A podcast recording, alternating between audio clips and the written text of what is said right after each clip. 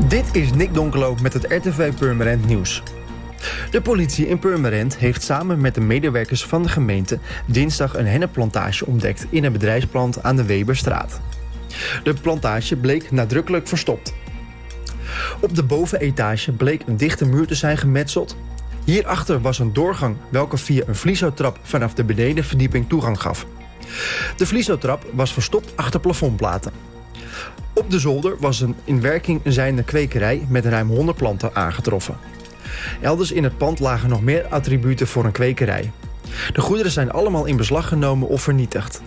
Tevens bleek de elektra voor de kwekerij te worden gestolen. Er zal aangifte worden gedaan en naar de eigenaar en gebruiker van het pand wordt nader onderzoek verricht. De Purmerendse scholengroep wil bestuurlijk gaan samenwerken met het Tabor College en het Atlas College uit Horen om uitdagingen zoals de krimp van het aantal leerlingen en de uitstroom van leerkrachten beter te kunnen aanpakken.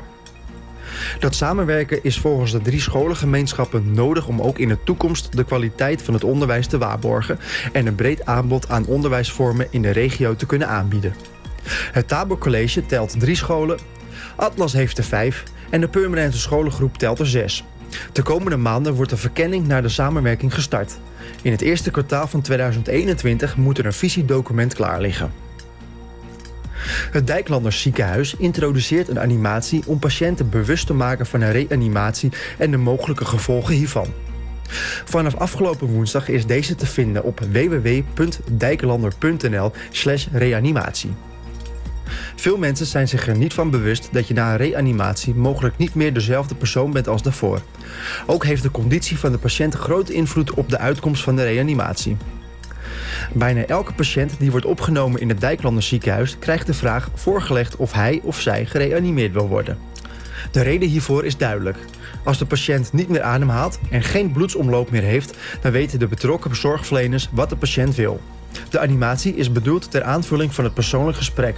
Dit gesprek tussen patiënt en behandelaar blijft leidend. Dit is nou vastgelegd in het patiëntendossier. Patiënten kunnen tijdens de opname in het ziekenhuis hun keus ten alle tijden heroverwegen. Bij elk ziekenhuisopname zal deze vraag opnieuw aan de orde komen.